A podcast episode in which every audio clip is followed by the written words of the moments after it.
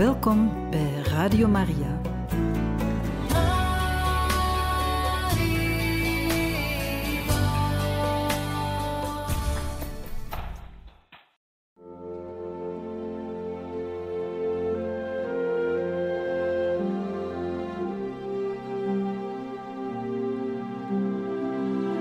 Beste luisteraars van Radio Maria, welkom bij het programma Catechismus. Een overweging bij de geloofschat van de kerk.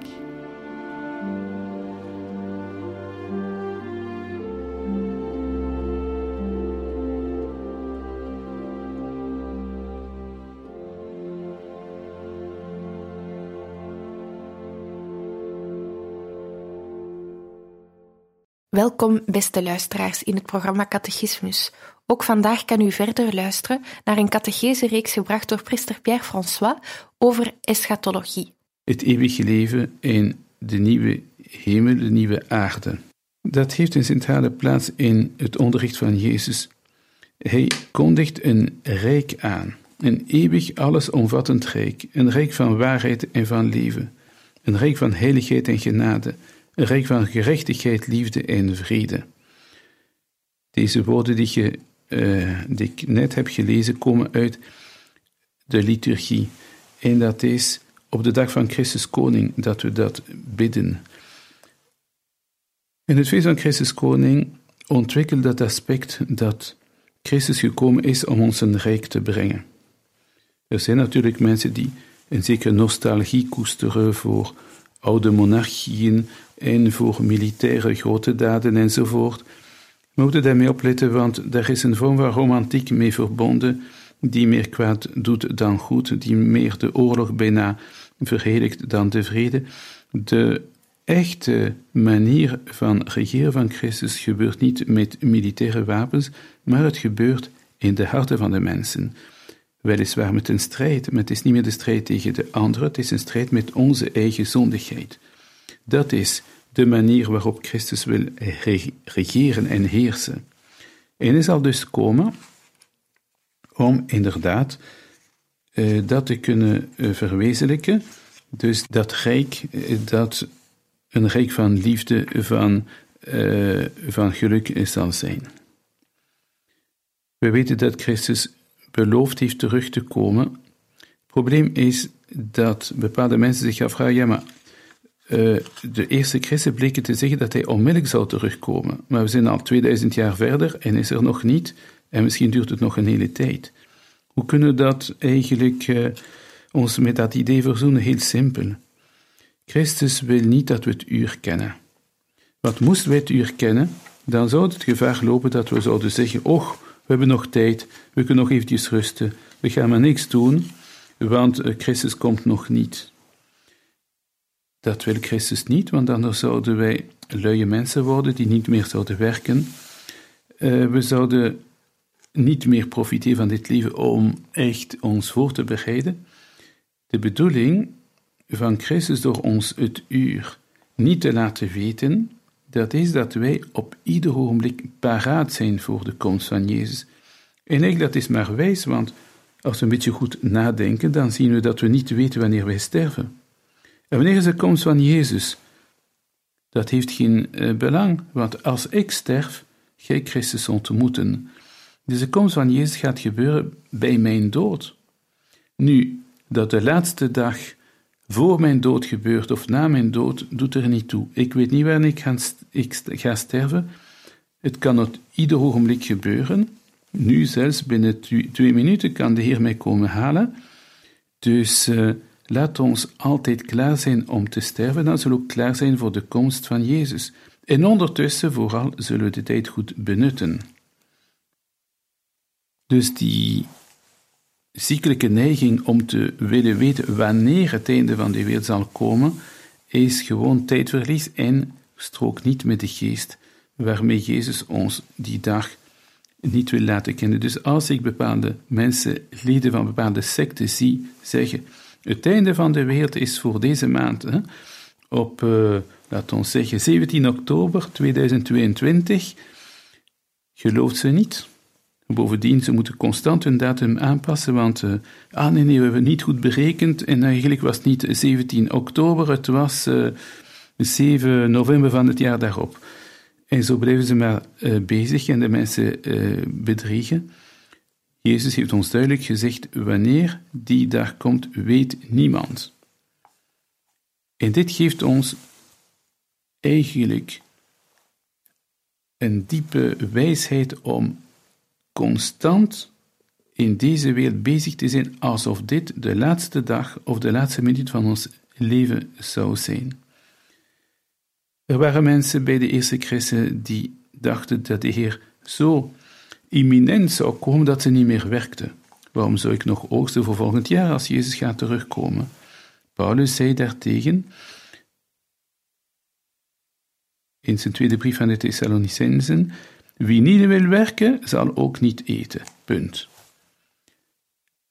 Want die bekoring bestond al bij de eerste christenen om te speculeren op het moment van de terugkomst van Jezus.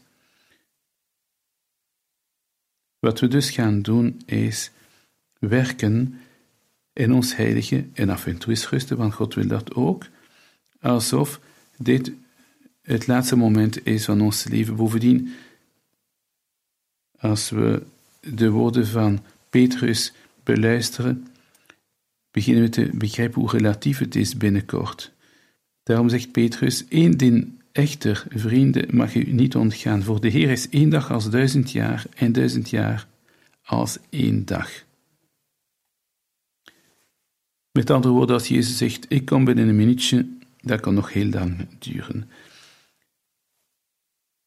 Wat we dus gaan doen, is niet leven in de herinnering aan het verleden, of blijven dromen aan de verwachting van de toekomst, maar vooral in het omarmen van het heden. Het was me niet opgevallen.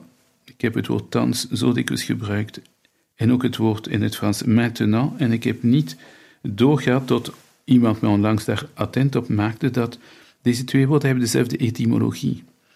Thans is de hand, wat ik in mijn, mijn handen kan houden. En in het Frans, maintenant, dat is wat ik met mijn hand kan vastpakken. Uh, God vraagt ons dat we ons bezighouden met het hier en nu. In het Latijn klinkt dat hic et nunc. Op dit punt gelijkt het Latijn veel op het Nederlands. Hier en nu, dat is wat we moeten heiligen. Gisteren is voorbij, morgen, we weten daar niks over, maar Christus vraagt ons, wees trouw hier en nu. En als we het hier en nu goed heiligen, is dat de beste voorbereiding op het eeuwige leven. Want we groeien nu in de deugden, vergeet niet eens dat we God tegemoet zullen komen in het eeuwige leven, dan kan ons, kunnen onze deugden niet meer groeien, dan zullen we een soort volheid hebben bereikt, waardoor vooruitgang niet meer mogelijk zal zijn. Dus we moeten het nu doen, nu of nooit.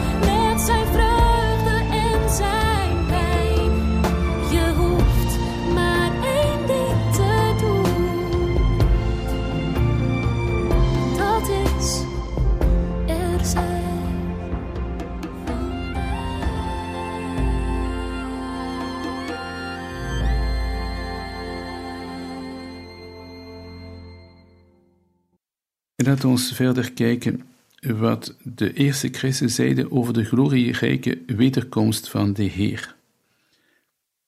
Ook al weten we niet wanneer de Heer zal terugkomen, men mag niet aan zijn wederkomst twijfelen. Ik citeer nu de brief van de heilige Jacobus. Heb dus geduld, broeders, tot de komst van de Heer. De boer die uitziet naar de kostelijke vrucht van zijn land, kan alleen geduldig wachten totdat de winter en voorjaarsregens gevallen zijn. Gij moet ook geduldig zijn en moedig, want de komst van de Heer is nabij. Het is een kenmerk van de christen dat ze hun kalmte bewaren, zelfs binnen de moeilijke tijden. Hoe minder geloof, hoe meer we gaan panikeren over wereldcatastrofen en oorlogen. Pas op, hè? Die, die kunnen gebeuren. En we zien dat. Helaas maar te goed in de actualiteit, maar toch. Christen houden een vorm van rust en kalmte, omdat ze dat kunnen relativeren ten opzichte van de wederkomst van Jezus. Eh, voordat hij paus was, mm, zei kardinaal Jozef Ratzinger, schreef hij het volgende in een boek dat ging over dood en eeuwig leven. Wanneer we ons onder deze voorwaarden ter afsluiting afvragen welke conclusie uit de tot nu toe gevorderde discussies hout snijden, dan kunnen we kort en bondig vaststellen Staan blijft dat Jezus in diepzinnige gelijkenissen de boodschap van het Rijk Gods heeft verkondigd als een werkelijkheid, die tegelijk aanwezig en komend is. Staan blijft dat de jonge kerk zich aan deze boodschap van het begin trouw wist, doordat ze Jezus verkondigde als de Christus, als degene die in de geest werkzaam is en die al dus als persoon die leeft in het heden naar het Rijk verwijst. En je ziet hier dat uh, we vertalen in het Duits. Blijft dus dit overeind dat de christenheid met de blik gericht op de verrezenen afwist van een komst die reeds had plaatsgevonden, dat ze niet meer enkel in een theologie van de hoofd verkondigde, ook niet louter met de blik naar de toekomst leefde, maar dat ze naar een hier en nu verwees, waarin de belofte al heden werd. Juist dit heden is echter hoop. Het draagt de toekomst in zich. Nu eventjes ademhalen, want dat was een tekst van een Duitse theoloog, vertaald naar het Nederlands en moeilijk te uh, lezen en te begrijpen, maar om het samen te vatten, er is een soort spanning tussen het hier en nu en het nog niet. Er gaat iets komen in volheid, maar we hebben het nu al in kiem. En waren die twee dingen niet verbonden, dan hadden we geen hoop op de toekomst. Maar door het feit dat we er al een deel van hebben, kunnen we ervan proeven en ervan genieten en dan gaan dromen over de, het eeuwige leven, wanneer we al die liefde, die genade van God in een oneindige mate zullen krijgen. Dus, wat kunnen we zeggen over het tijdstip en de tekenen van de parousie? Wel, er zullen een aantal tekenen plaatsvinden, maar we moeten wel toegeven dat die tekenen zich zo dikwijls herhalen in de geschiedenis dat het maar tot één ding uh, leidt, namelijk te weten: denk eraan dat Christus gaat komen. Hij zou nu kunnen komen, maar het kan ook later gebeuren. Maar laat ons altijd paraat zijn, altijd bereid, altijd beschikbaar. Welke zijn die tekenen? Wel, bijvoorbeeld, de zon zal verduisteren en de maan zal geen licht meer geven. Sterren zullen van de hemel vallen en de hemelse heerschaar zullen in verwarring geraken. Lezen we in het evangelie van Marcus. Um, in, in het boek der openbaring zegt Johannes, toen zag ik een grote witte troon en hem die erop zat. De aarde en de hemel vluchtten weg van zijn aanschijn en hun plaats werd niet meer gevonden. Er zullen dus allerlei dingen gebeuren, maar in een zekere zin gebeuren ze constant. Ik ga een voorbeeld geven en dat is de antichrist. Men zegt dat voorafgaand de komst van Christus zal de kerk een laatste beproeving doorstaan. Hm? En dat is de komst van de antichrist.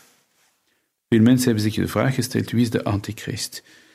En in elke eeuw hebben ze altijd een of andere figuur uh, weten te vinden, dat is de antichrist. Hè? Ten tijde van de eerste Christus was dat keizer Nero, en dan later was het iemand anders, en in de 20e eeuw was dat zogezegd Hitler, en uh, nu elke dictator die ook komt en een beetje lastig doet, dat is de antichrist, enzovoort.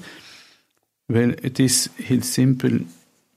Uh, Johannes, de apostel Johannes zegt dat de antichristus al is geweest en er zijn er veel. Het is niet één persoon, het is niet één figuur.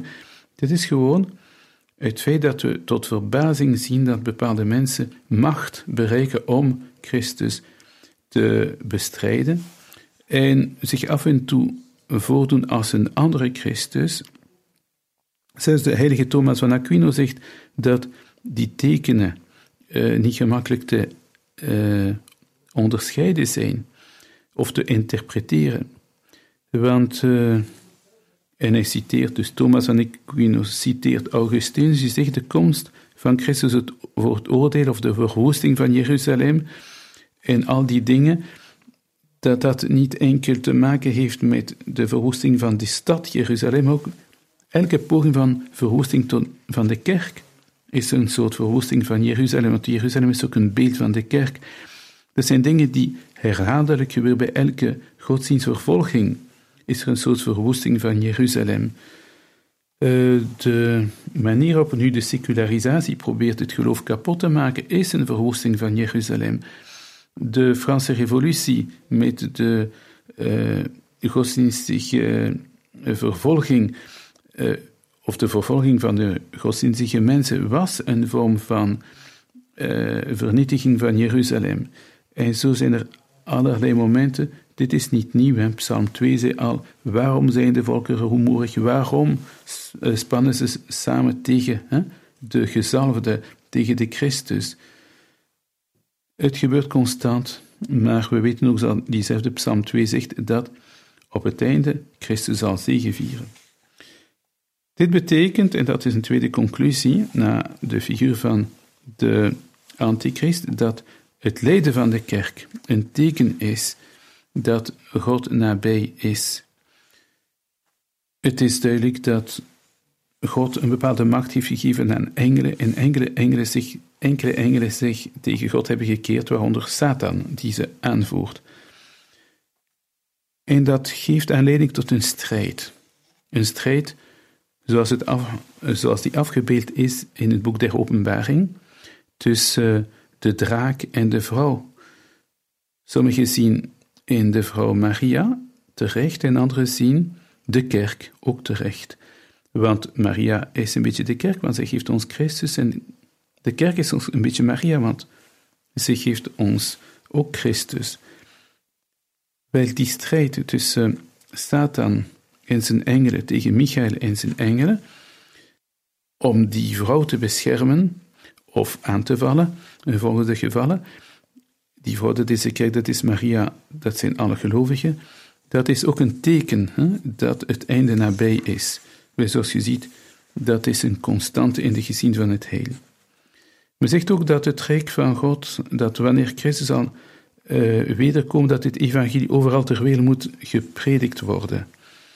Ja en nee, dus we kunnen zeggen dat het evangelie binnen alle landen heeft bereikt en binnen alle streken, maar toch, er is nog veel te doen. Of er zijn bepaalde streken die wel geëvangeliseerd worden, die nu totaal onkerkelijk zijn. Ik denk aan de bepaalde moslimlanden, waarin het geloof totaal uh, weggevaagd is. Dat is weer eens een teken dat moeilijk te interpreteren is, en het is logisch. Zo zullen alle tekenen van het einde van de tijd moeilijk te interpreteren zijn. Er is nog één teken dat ik wilde bespreken vandaag, dat is de bekering van de Joden. Wanneer gaat dat gebeuren? Het is al een eerste keer gebeurd, want de eerste christen waren allemaal Joden. En er waren heel veel mensen die zich bekeerd hebben op de prediking van de apostelen.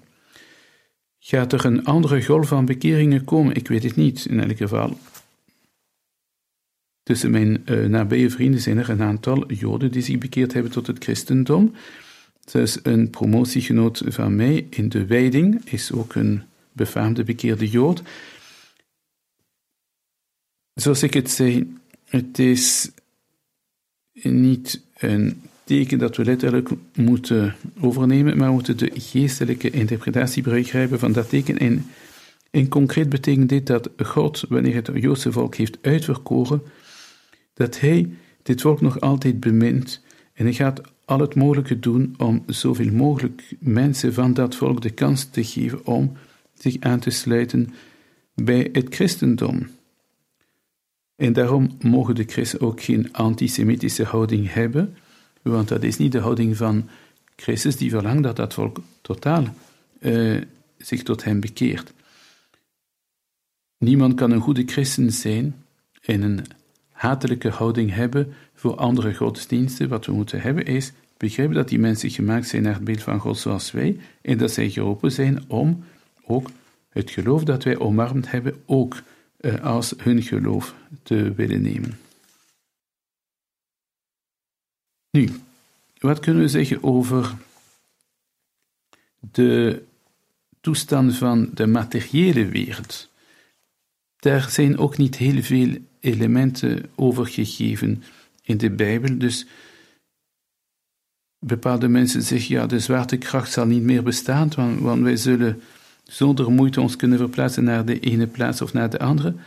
Maar ja, als de zwaartekracht niet meer bestaat, Jan, dan blijft de voorwerp ook niet op een plaats staan. Dus we moeten ons niet te veel uh, de vraag stellen van hoe gaat de nieuwe hemel en de nieuwe aarde eruit zien, Laat ons gewoon weten dat God de wereld niet gaat vernietigen, maar gaat de wereld helen. Want de schepping van God is goed. Wat die schepping lelijk maakt, is de zondigheid van de mensen.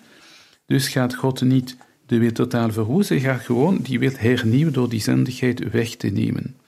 Dat geeft ons een redelijk positieve visie over het geschapene. En daarin is het voordeel van Jezus de beste school. Jezus kon heel arm leven, hij is geboren in armoede. Hij zei dat er geen plaats had om zijn hoofd erop te laten rusten. En hij zei dat uh, de mensen geen twee paar sandalen of twee uh, bovenkleden hoeven, hoefden te hebben. Dus hij gaf een voorbeeld van heel onthecht en heel arm leven. Hij zei zelfs zalig de armen van geest, maar tegelijkertijd liet hij zich uitnodigen bij rijke mensen, bij Zacchaeus, bij Matthäus. Uh, hij kon eten en drinken, op een matige manier zeker, maar hij was niet de asceet die de mensen meenden daar te moeten zien, zoals een Johannes de Doper of, of een of andere persoon die extreme dingen doet. Jezus kon ook in de wereld zijn. Waarom zou je anders water hebben veranderd in wijn op de bruiloft van Cana, als de, het geschapene slecht zou zijn? Zijn mensen die zeggen alcohol is slecht. Wat de christen zeggen, dat is overdaad Te veel alcohol is slecht. Maar proberen die problemen op te lossen door gewoon te zeggen geen druppel alcohol, dat is overdreven in de andere richting. Laat ons beseffen dat de wereld op zich niet goed of slecht is. De wereld is goed in de mate dat we die heiligen. En het is niet dat we een soort spiritualisme moeten beleven, niks materie, enkel maar geest, want wij zijn geen engelen, we zijn mensen.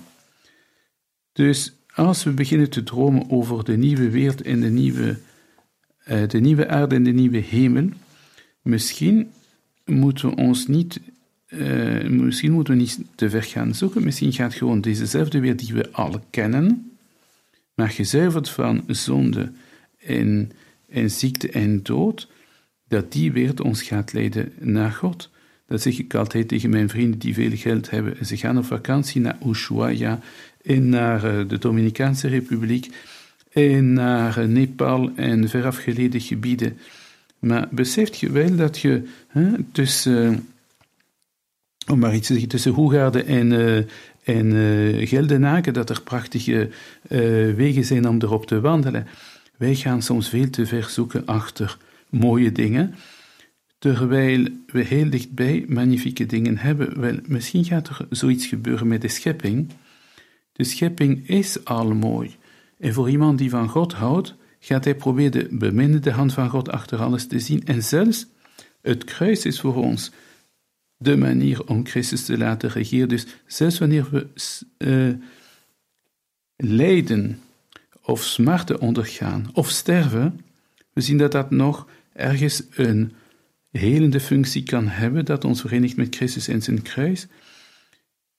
Maar laat ons ook getroost zijn, er komt een dag dat het kruis er niet meer is, dat het lijden er niet meer is, dat de dood er niet meer is, en dat we dan gaan kunnen genieten van de schepping, met mate zoals altijd, maar dat we dan echt zullen kunnen zeggen, zoals we het zeggen in de Eucharistie, heilig, heilig, heilig de God, de, de hemelse machten, vol zijn hemel en aarde van uw heerlijkheid, eens dat de dood overwonnen is, en dat de schepping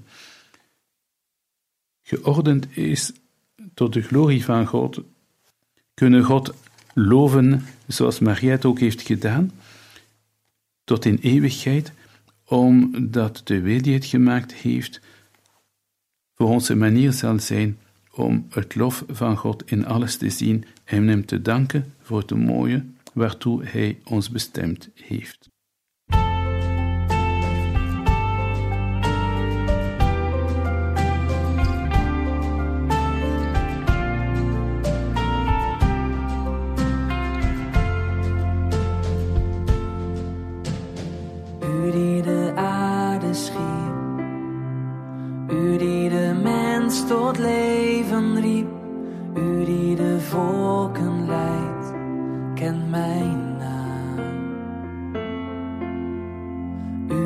ons alles geeft.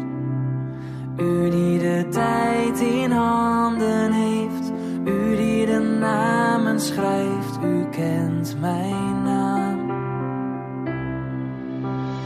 Machtig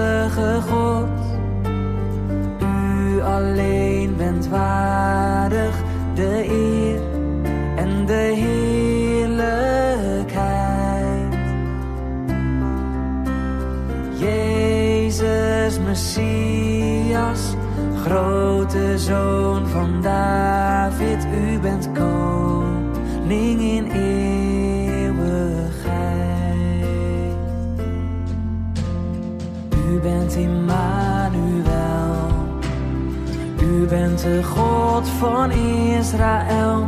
U was er en u zult er zijn.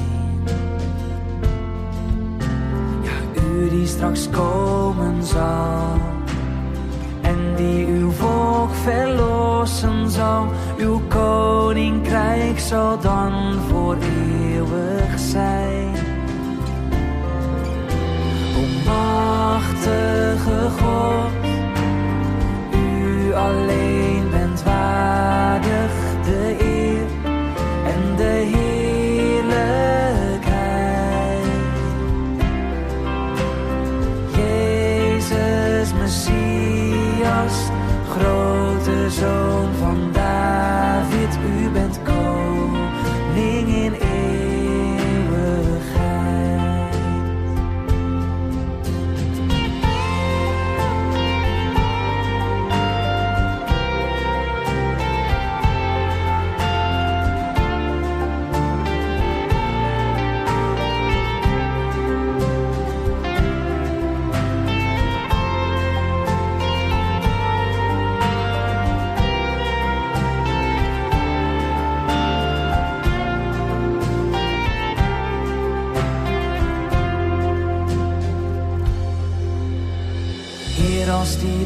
straks komt, als u in glorie wederkomt en al het onrecht door uw hand verdwijnt.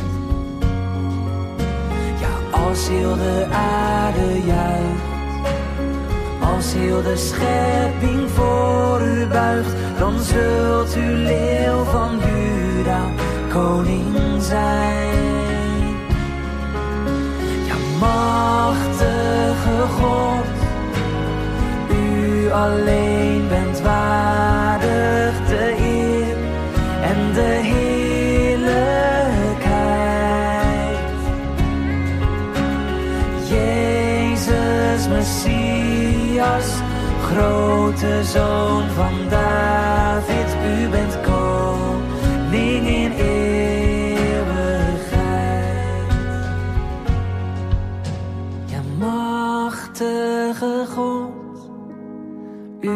U alleen bent waardig de eer en de heerlijkheid. Jezus Messias, grote zoon van David, u bent koning in eeuwigheid.